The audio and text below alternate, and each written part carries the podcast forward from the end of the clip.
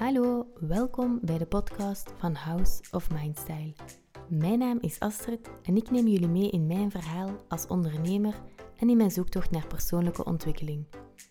In deze podcast zal ik je tips en tricks aanreiken die jou kunnen helpen om jezelf graag te leren zien, sterker in je schoenen te staan en jouw dromen en doelen te bereiken.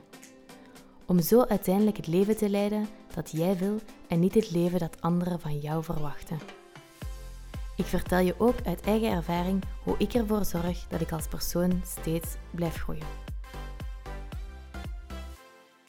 Vandaag in de podcast hebben we het over zelfacceptatie. Hallo iedereen, welkom bij deze nieuwe aflevering. Vandaag gaan we het hebben over zelfacceptatie. Hoe kan je jezelf accepteren, zowel alles wat er aan de binnenkant zit, alles wat er aan de buitenkant te zien is. En hoe komt het dat we onszelf vaak niet goed genoeg vinden? Daar gaan we het vandaag over hebben. En ook uit de invloeden van de maatschappij, waarom er allemaal dingen zijn die ons dat zo moeilijk maken. En ik ben vandaag niet alleen. Vandaag heb ik een superleuke gast. Sophie is hier te gast en zij is diëtiste. Welkom Sophie. Dankjewel. Hallo. Misschien is het leuk als je jezelf even voorstelt voor de mensen dat ze een beetje weten wie jij bent en wat je doet. Ja, ik ben dus Sophie en inderdaad uh, diëtiste. Uh, je kan mij terugvinden op Instagram uh, via diëtiste SoFit. En ik ben niet de klassieke diëtiste die je dagelijks tegenkomt. Ik ga geen regels meegeven, ik ga geen schema's opstellen, maar ik, ga, ik ben gespecialiseerd in het intuïtief eten. Dus echt leren voelen, wat heb ik nodig, waar heeft mijn lichaam nood aan. En dus ook niet focussen op de weegschaal, maar gewoon naar het gewicht gaan waar je lichaam zich comfortabel bij voelt. Ik kan me inbeelden dat je dan wel heel veel te maken krijgt met mensen die zich niet accepteren zoals ze zijn. Ja, er zijn inderdaad eigenlijk... Ik denk dat iedereen wel iets heeft uh, waar ze niet zo blij mee zijn. En dat is ook een beetje het ding dat we vaak denken... Ah, mensen die mager zijn, die zijn gelukkig en hebben geen dingen waar ze onzeker over zijn. Maar dat is helemaal niet zo. Iedereen heeft wel onzekerheden en dat is ook helemaal oké. Het is niet dat je je helemaal perfect moet vinden. Want dat is nu een beetje met die body positivity um, die aan het rondgaan is, wat heel goed is dat die er is. Maar het is niet zo dat je elke dag moet opstaan en denken, yes, mijn lichaam mag er zijn, ik ben er blij mee. Het is ook oké dat je je onzekerheden hebt. Maar wat dan wel belangrijk is, dat je die onzekerheden er niet voor gaan zorgen dat je dingen niet gaat doen of je eigen gaat verstoppen of je ongelukkig gaat voelen. Maar er zijn inderdaad wel, ik denk ja, 90% dat in de praktijk langskomt, dat die wel dat hun onzekerheden heel aanwezig zijn en zich daardoor ongelukkig voelen. Ja. En is daar zo'n lijn in te trekken waardoor mensen onzeker zijn over hun lichaam? Als we het nu eerst dus in het eerste deel van de aflevering hebben over het uiterlijk en daarna meer naar het innerlijk. En mensen die vinden dat ze niks goed genoeg kunnen. Ehm, als je kijkt naar hun, naar hun zelfbeeld van, van hun lichaam, zeg maar, is daar een lijn in te trekken of is dat echt heel verschillend? Um, daar is wel een lijn in te trekken, want dat begint eigenlijk al heel vroeg als je als baby geboren wordt, dan word je neutraal geboren. Dus je hebt geen invloeden, je weet niet wat dat goed is, wat dat slecht is. Je hebt geen voorkeur in politieke partijen. Je wordt gewoon neutraal op de wereld gezet. Vaak is de eerste invloed aan je ouders die um, een invloed op je hebben, maar ook niet per se op zelfbeeld, maar ook alle andere dingen. Hè. Dus ook politieke partijen. Uh, en ja, smaak en kleuren en geuren en zo. Um, maar dat is dus de eerste invloed. Dus vaak als we zien dat de ouders al problemen hebben met hun eigen lichaamsbeeld, of ook in vroeger verleden, is er al een grote kans dat dat op het kind wordt overgezet. Maar dan ga je naar school, daar krijg je ook te horen van uh, je moet in die BMI passen, hier is die voedingsdriehoek, je moet dat eten, zo en niet anders. En dan nu ook de laatste tijd, de social media is enorm aanwezig. Dus ook daardoor ja, we zien allemaal beelden die perfect zijn, maar die vaak bewerkt zijn, die nooit echt zijn. Dus dat gaat er ook voor zorgen dat je je ja, niet goed voelt in je vel. En als je dan, eh, zeker, we hebben dat gezien in de coronaperiode, de eerste lockdown, dan was er bijna alleen maar social media en online schermen. Dus heel veel mensen zagen geen echte mensen meer. Ze zagen enkel wat dat er op, het, uh, ja, op hun Instagram zag. En dat was vaak bewerkt met heel wat filters erop. Dus we kregen een, een beeld van de realiteit die helemaal niet echt was. Waardoor veel mensen dachten, amai, die heeft een gladde huid. Of oei, die ziet er goed uit en ik heb dit en dat. Um, dus dat is nog erger geworden eigenlijk met heel die corona-lockdown. Ehm, maar ook van films. Als ik kijk naar, naar mijn jeugd, naar welke films ik keek als ik puber was, in een moment waar dat je eigenlijk sowieso onzeker bent over je lichaam, iedereen. En dan keek ik naar films als Cinderella Story, ehm, Twilight en al die typische puberfilms. Als je daarin gaat kijken, dan heb je ook altijd de hoofdrolspeler die een happy end hebben. Die zijn vaak blank, die zijn vaak slank en die hebben vaak blonde haren ook. En dan heb je heel vaak daar nog een vriend of een vriendin bij die wat, wat zulliger is, om het zo te zeggen. En die ja, niet altijd eh, het geluk verdient dat, dat uh, de hoofdrolspeelster die wel in dat schoonheidsideaal past. En dat zorgt er eigenlijk voor dat we onbewust in onze hersenen al iets gaan hebben in ons hoofd van oké, blank, slank uh, en uh, zogezegd het schoonheidsideaal, als we daarin passen, zijn we succesvol. Dan kunnen we veel dingen bereiken. Als we daar niet in passen, ja, dan is de kans klein dat we succes gaan behalen. Dus dat zijn zo de dingen die heel vaak bij, bij cliënten of bij, bij iedereen eigenlijk wel terugkomt, dat dat heel onbewust gebeurt en dat dat stilletjes aan altijd erger wordt. Er zijn ook heel veel opmerkingen van anderen die het dan ook vaak nog wel wat erger kunnen maken. Um, maar ja, het is dus vaak van buitenaf dat het ervoor zorgt dat jij je niet goed voelt in je eigen lichaam. Ja, ik denk ook dat het heel erg is als, als puber of als kind en je kijkt naar films en je herkent jezelf nergens in.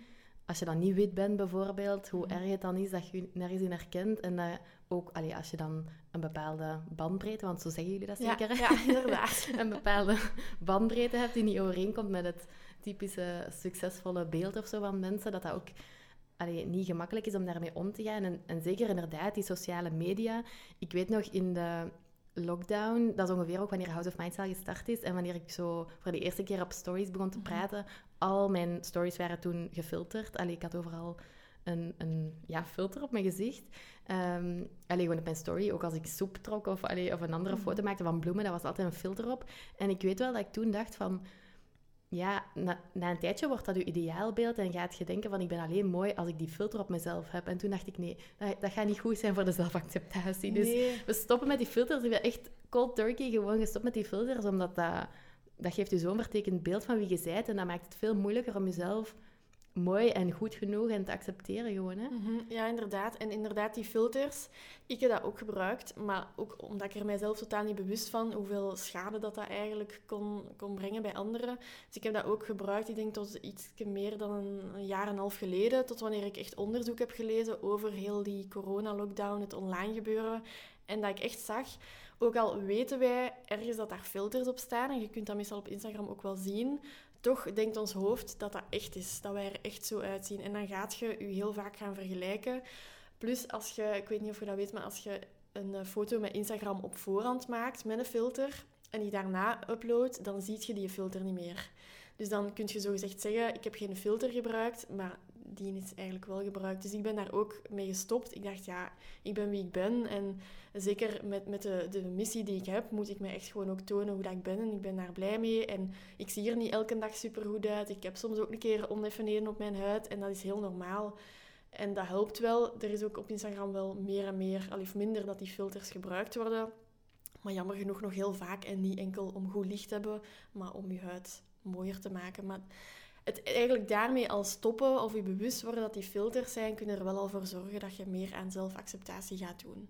Ja, en ik denk dat het misschien ook wel een goede tip is om effectief de mensen die je een slecht gevoel geven, dat ik weet dat dat zo'n heel klassieke tip is en je hebt dat waarschijnlijk al 300 keer gehoord van, ga die mensen ontvolgen. Maar daar komt zoveel onbewust negativiteit mhm. binnen, omdat je je heel tijd vergelijkt met een soort van ideaalbeeld voor u dan. Allee, ik herken dat heel erg bij mezelf. kan echt zo bij sommige mensen denken van, oh, zag ik er zomaar uit? Of, of had ik maar dat succes of zo? En dat zorgt ook voor, voor zoveel negativiteit. Dus misschien die digitale detox echt wel een keer gaan verwijderen wie je een slecht gevoel geeft, zodat je ook weer de kans hebt om dichter naar jezelf te groeien hè, en je te kunnen accepteren überhaupt. Ja, inderdaad. Dat is, die tip wordt heel veel gegeven, maar ik geef die ook altijd bij cliënten en vaak hebben ze het nog niet gedaan. Dus als je nu luistert, ga straks naar je Instagram en doe het.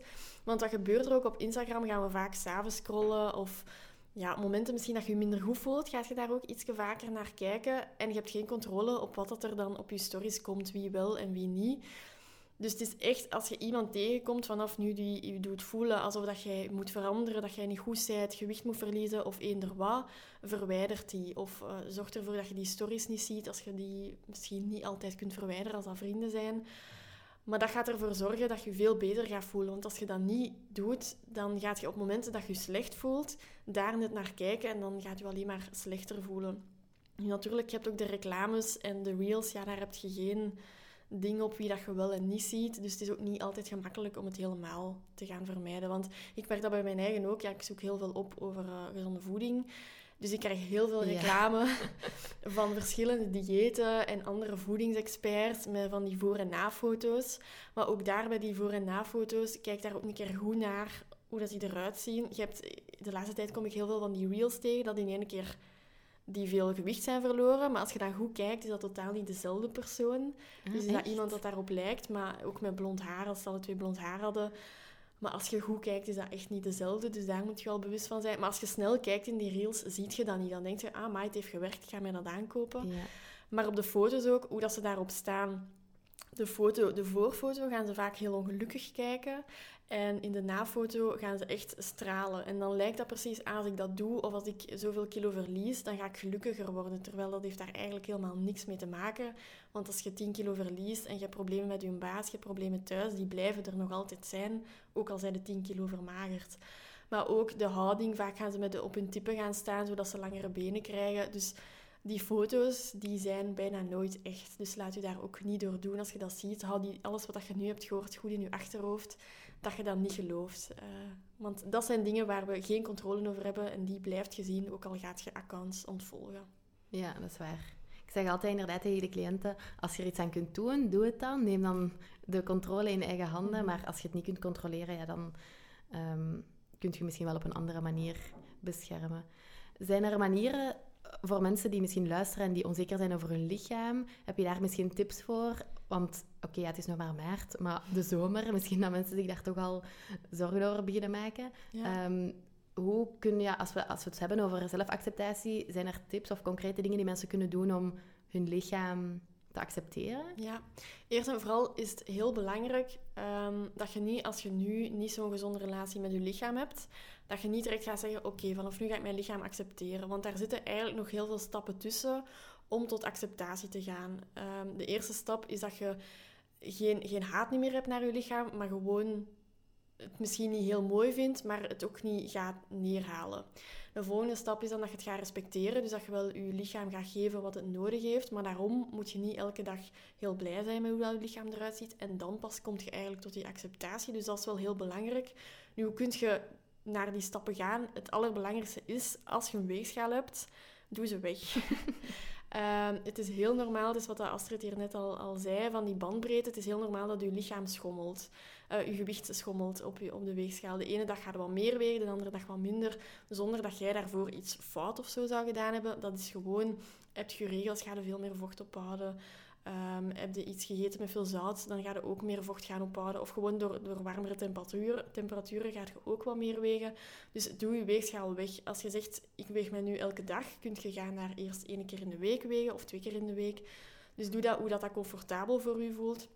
Het allerbeste is dat je ze gewoon wegdoet. Dus dat is, dat is uh, altijd een van de eerste dingen waar ik met cliënten aan werk. Omdat ja, als je eigenlijk gaat kijken naar die weegschaal, wat brengt die je op? Bij de meeste mensen is dat alleen maar teleurstelling. En ik snap wel dat dat vaak ook wat controle is dat dat geeft, omdat je dan weet, oké, ik ben goed bezig of niet goed bezig, denk je, maar dat heeft daarmee helemaal niks te maken. Ehm, dus als je gaat kijken, wat brengt die weegschaal op? Vaak teleurstelling. Waarom zou je er dan toch elke keer opnieuw gaan blijven opstaan? Um, dus Ja, mensen voelen zich schuldig dan ook, denk ik. Hè? Ja, ze voelen zich schuldig, want ze denken dat ze iets hebben misgedaan. En terwijl Sofie nu heeft gezegd, dus knoop het allemaal in je oren, dat het ook gewoon omstandigheden kunnen zijn die ervoor zorgen dat je lichaam er soms iets anders uitziet of een bepaald gewicht heeft. Ja, ja. het is heel normaal dat u... Er is niemand waarbij dat zijn gewicht constant hetzelfde blijft. Dus dat is normaal dat dan een keer een kilo omhoog is, een keer een kilo naar beneden, zonder dat je daarvoor iets hebt gedaan. En als jij ziet op de weegschaal, ik weeg meer dan gaat je ervoor zorgen, misschien die een dag dat je minder gaat eten, omdat je denkt, ja, ik moet terug naar beneden, waardoor je eigenlijk al je signalen van je lichaam compleet gaat negeren. Dus het allerbelangrijkste is, doe de weegschaal weg. en in dat stuk van zelfrespect, of, of het, allee, de stap van mhm. respecteren, mhm. want ik hoor je zeggen, zorg dat je dan voor je lichaam zorgt of voor jezelf zorgt, mhm. zit daar dan het stuk van zelfzorg in? Van oké, wat heb ik nodig en hoe kan ik ervoor zorgen? Want ik het is moeilijk om iemand te verzorgen die je niet graag ziet, Nee, nee, nee, veronderstel dat is waar. Ja. Wat dat eerst ook wel nog belangrijk is om te doen, is we gaan heel vaak kijken wat dat er niet goed is. En dat is op alle vlakken. Dat is niet enkel op lichaamsbeeld, maar ook als jij je job doet, gaat een hele week goed en één dag slecht, dan gaan we alleen dat slechte onthouden. En dat is bij ons lichaam ook. Dus stel dat jij je buik niet aangenaam vindt, dan ga je constant op je buik zeggen van, ah, is niet goed. Maar ga een keer kijken waarvoor dat je wel dankbaar bent voor je lichaam. En dat weg te halen van uiterlijk, maar gewoon bijvoorbeeld je benen helpen u om naar uw werk te gaan, of helpen u om uw huishouden te doen, of helpen u voor uw kinderen te zorgen. En daarvoor dankbaar te zijn, want als we daar naar kijken, doet ons lichaam wel heel veel voor ons. Als wij ons lichaam niet hebben, dan zijn wij eigenlijk niks, want dan zouden wij hier nu ook niet kunnen babbelen met elkaar, dan zouden wij ons werk niet kunnen doen, dan zouden we geen kinderen kunnen krijgen. Dus er zijn heel veel processen waar we dankbaar voor moeten zijn. Dus probeer om elke ochtend als je opstaat en in de spiegel kijkt, of als in de spiegel kijken nog wat te moeilijk is, gewoon als je opstaat, ehm, te denken van oké, waar ben ik mijn lichaam dankbaar voor? En als er wel plaatsen zijn op je lichaam dat je zegt van die kan ik wel accepteren of vind ik wel mooi, kun je ook zeggen van ah, bijvoorbeeld ik vind dat ik mooie ogen heb of mijn armen zijn mooi of mijn benen zijn mooi. Maar als dan nog iets te moeilijk is, probeer dan los te komen van het uiterlijk. Uh, en daarna kun je dan gaan kijken, oké, wat heeft mijn lichaam nodig? Bijvoorbeeld, je lichaam heeft het nodig dat je daar een keer uh, een, body lotion of zo uh, mee invrijft, zodat je een zachte huid hebt. En als je dat gaat doen, dan gaat ook je lichaam respecteren. Want dan gaat je het verzorgen, misschien een keer een massage geven of een keer je nagels laten lakken of zo. Van oh, dingen. massage. Ja. Moet dat nog eens vastleggen. Ja, ja, ik ook. Ik ook. Het is ook al lang geleden bij mij. Van de vacation, of niet? Ja, ja, ja. dus dat zijn ook dingen dat, je, uh, dat ervoor zorgen dat je daarom niet altijd je lichaam doodgraag ziet, maar dat er wel voor zorgen dat je lichaam denkt, oké, okay, ik word hier gerespecteerd. En daarvoor is die zelfzorg dan ook wel heel belangrijk, zowel op vlak van lichaam, maar ook op vlak van rust. Dat je je, lichaam het gunt om in de zetel te liggen. Dat je niet zegt, ik moet hier heel hard werken, want ik ben het anders niet waard. Nee, je bent het waard ook om een keer niks te doen. -hmm. Mooi. Super inspirerend vind ik het. Nee, is echt uh, ja, heel interessant. Ik denk dat, dat dat voor veel mensen ook vaak moeilijk is om, ja, om zichzelf te accepteren. En dat het dan belangrijk is dat je ook weet dat dat een proces is. Hè? Dat dat niet ja. van vandaag op morgen nee. is en dat je daar stappen in moet zetten. En Sofie heeft ze daarnet al wat toegelicht, hè, hoe, we dat, hoe we dat kunnen doen. Maar dat dat belangrijk is dat je jezelf daar ook de tijd voor geeft, dat je wat je kunt doen, dat je dat ook effectief gaat doen en daar misschien hulp voor zoekt. Ja. Um, en wat je niet kunt doen, dat ook proberen los te laten en, en inderdaad een andere bril kiezen, zoals dat dankbaar zijn. Dat kan al zoveel verschil betekenen, hè? voor je uiterlijk, maar ook voor je innerlijk. Hè? Ja. Als je tegen jezelf allee, heel tijd zegt, je bent niet goed genoeg en je doet het niet goed genoeg en je kunt niks. Ik zeg altijd, ga eens kijken van, wat is er wel? Wat kun je wel?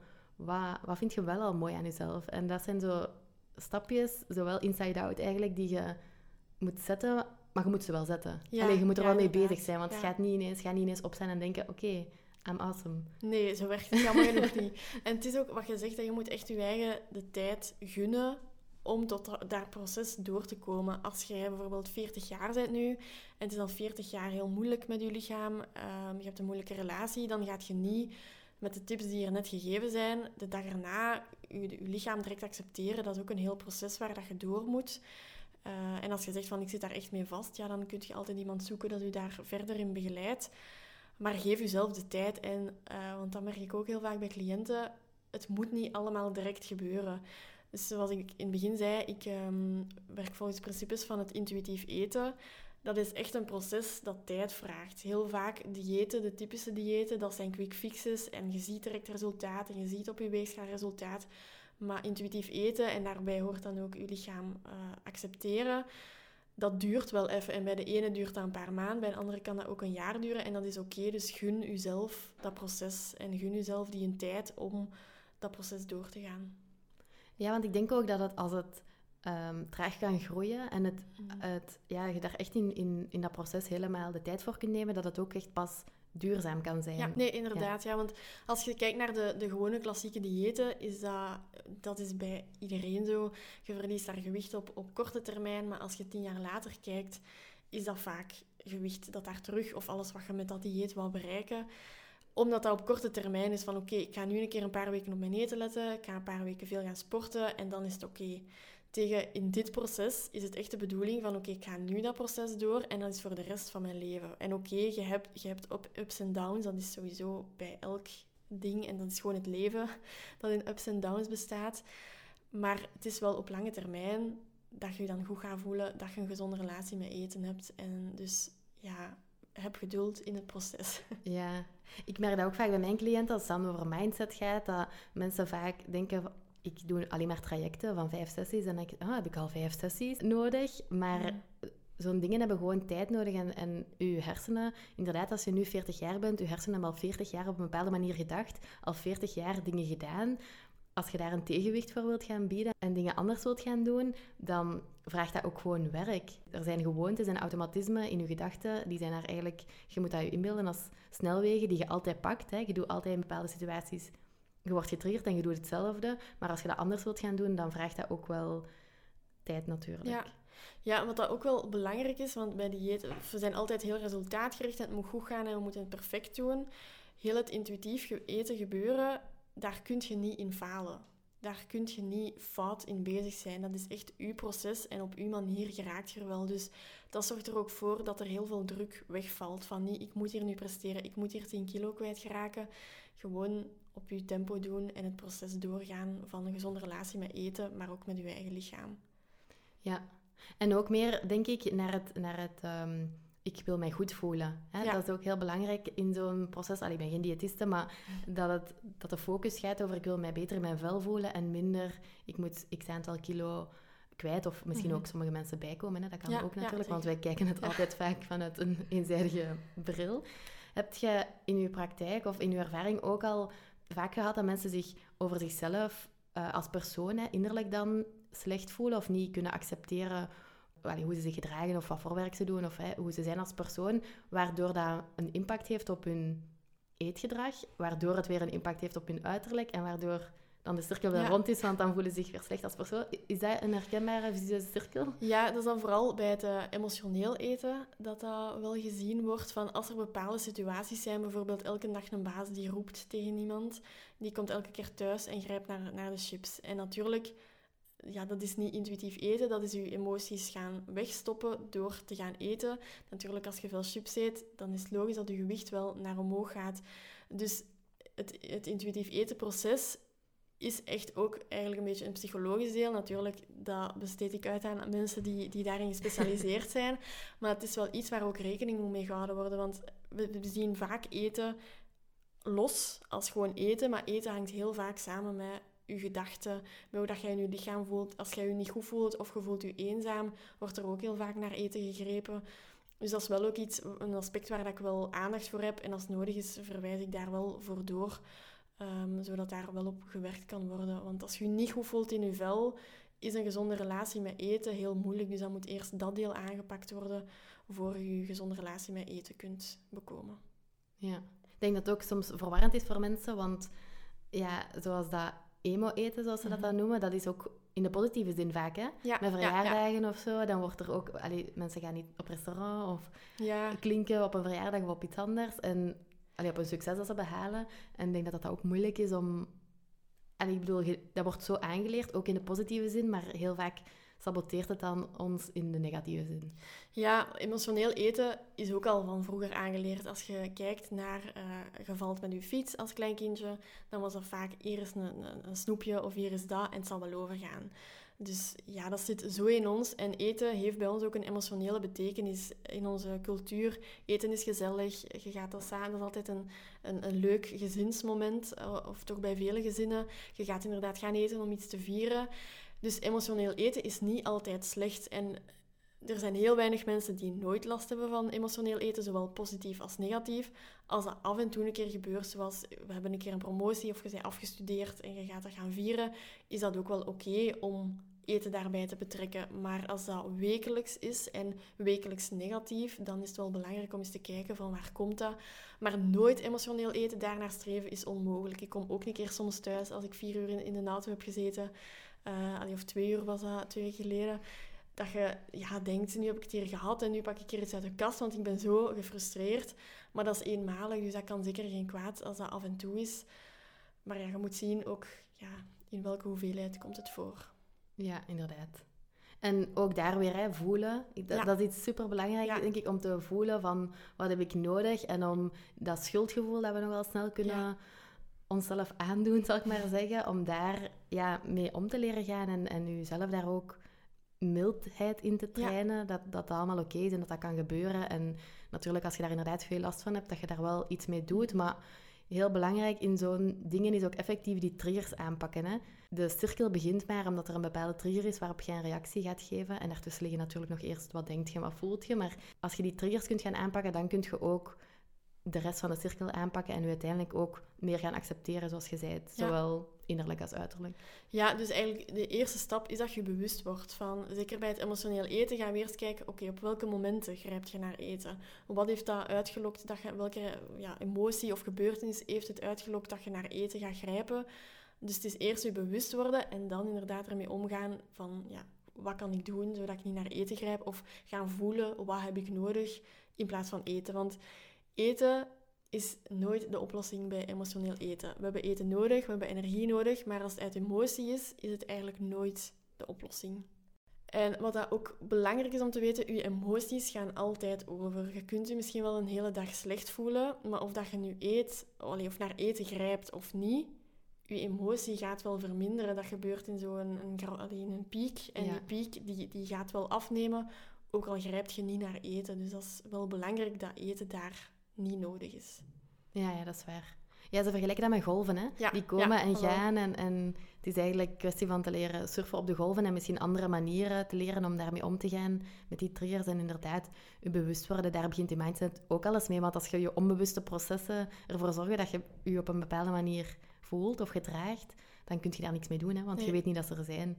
Dus die bewustwording is inderdaad een, een heel goed punt. Ja, want ik heb cliënten die zeggen, als ik er mij bewust van ben, dat ik naar eten grijp. En dat is dan echt al in een verdere fase. Dus niet in het begin, maar ze zijn hun eerst al bewust waardoor. Ze weten waar dat ze wel nood aan hebben. Ehm, en dan zeggen ze, ja, ik ben mij gewoon bewust dat ik naar eten zou grijpen uit emotie, dus ik doe het niet. Dus soms is dat meer dan genoeg. Het gewoon weten en er niet verder op ingaan. En nu gewoon misschien even in de zetel zetten. Maar bij sommigen helpt dat dan net niet en moet je echt iets anders gaan doen. Maar dat is heel individueel en moet je gaan kijken. Maar het is, het is heel belangrijk dat je bewust bent en dat je voelt wat je lichaam nodig heeft. Ja. En sommige mensen moeten dat ook terug leren. Hè? Ja, Die, die verbinding tussen hoofd en buikgevoel, zeg maar, terug leren. Allee, wat uw lichaam, de signalen die dat uitzendt. Heel veel mensen komen tegenwoordig in burn-outs terecht, omdat ze ook niet meer ja, die signalen van hun lichaam opvangen. Of ze vangen ze wel op en ze luisteren er naar, wat ook niet echt handig is. Nee. Dus ehm, Ja, dat, dat zijn is, wel goede tips. dat is met eten ook. Hè. Ehm, als je al jaren dieet, dan gaat je hongersignaal ook niet meer aanvoelen. Je lichaam gaat dat op den duur ook niet meer uitsturen, omdat die zegt er wordt niet naar geluisterd. Maar vanaf dat jij het weer toelaat om dat wel eh, te laten doorkomen en er naar luisteren, gaat je lichaam dat wel uitsturen. Dus ook daar is heel belangrijk dat je echt je weer bewust wordt, dat je je signalen van je lichaam leert aanvoelen en leert kennen, zodat je weet hoe dat je erop moet reageren. Nu natuurlijk zelfacceptatie, waar we het nu heel de aflevering al over hebben, dat is één stuk. Maar daarnaast is er natuurlijk nog zoveel te ontdekken. Want als je jezelf accepteert, dan gaat je ook natuurlijk meer vertrouwen hebben in jezelf. Dan gaat die zelfzorg en die zelfliefde, er zijn heel veel woorden met zelf, gaat dat allemaal veel gemakkelijker worden. En dat is ook exact de reden waarom ik de cursus Grow and Glow eh, twee jaar geleden ondertussen al voor de eerste keer gemaakt heb. En je hebt die ook gevolgd, hè? Ja, ik denk dat dat de eerste editie Ja, was. inderdaad. Ja, dus al twee jaar geleden ondertussen. Zot, hè? Ja. En binnenkort komt de cursus dus opnieuw. Eind maart gaan we van start. Dus misschien moet je eens vertellen wat je ervan Ja. vond. Eh, Je mocht heel eerlijk Ja. zijn. het is al even geleden, ehm, maar het heeft mij wel veel geholpen met zelfzeker te zijn en echt voor het, het leven te gaan dat, dat ik wil en niet wat de anderen van mij verwachten. Die cursus en uw begeleiding dat daarbij in zat, heeft er eigenlijk voor gezorgd dat ik mijn ehm, hoofdjob op dat moment heb opgezegd en dat ik echt voor mijn, eh, ja, mijn zelfstandige activiteit ging. Dus dat was wel heel fijn, want dat was, ik vond het echt heel eng om mijn ontslag daar te gaan indienen. Omdat ik dacht, ja, ik laat hier de mensen in de steek. En ik, ik deed de job op zich wel graag, maar het was gewoon niet meer te combineren met elkaar. Eh, dus dat is al een heel groot eh, effect van de cursus dat ik heb gehad. Maar nu kan ik ook veel beter mijn grenzen aangeven naar anderen ook toe, zonder mij daar eigenlijk schuldig over te voelen. Dat ik gewoon kan zeggen van nee, het past niet. eh, zonder mij daar altijd voor te verantwoorden.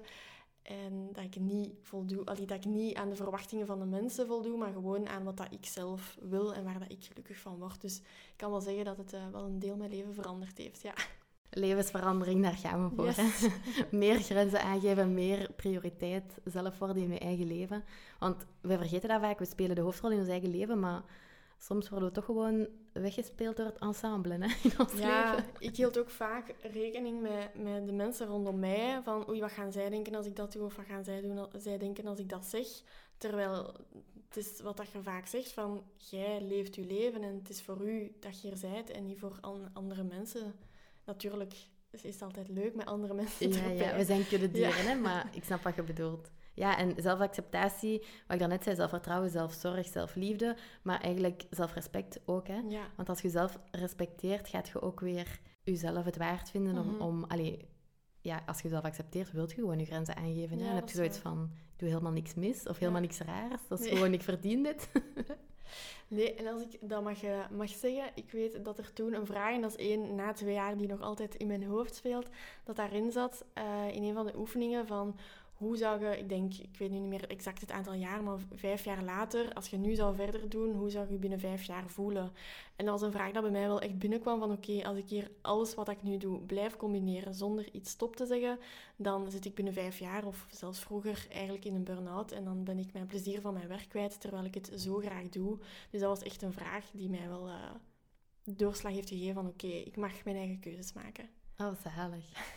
Ja, dat is vaak, hè, als je zo die projectie maakt van over zoveel jaar, Mhm. stel dat ik nu verder doe zoals ik nu verder doe, want heel vaak vinden mensen het ook wel een investering en denken ze van, ik ga toch nog een jaartje uitstellen of het is toch niet zo heel dringend.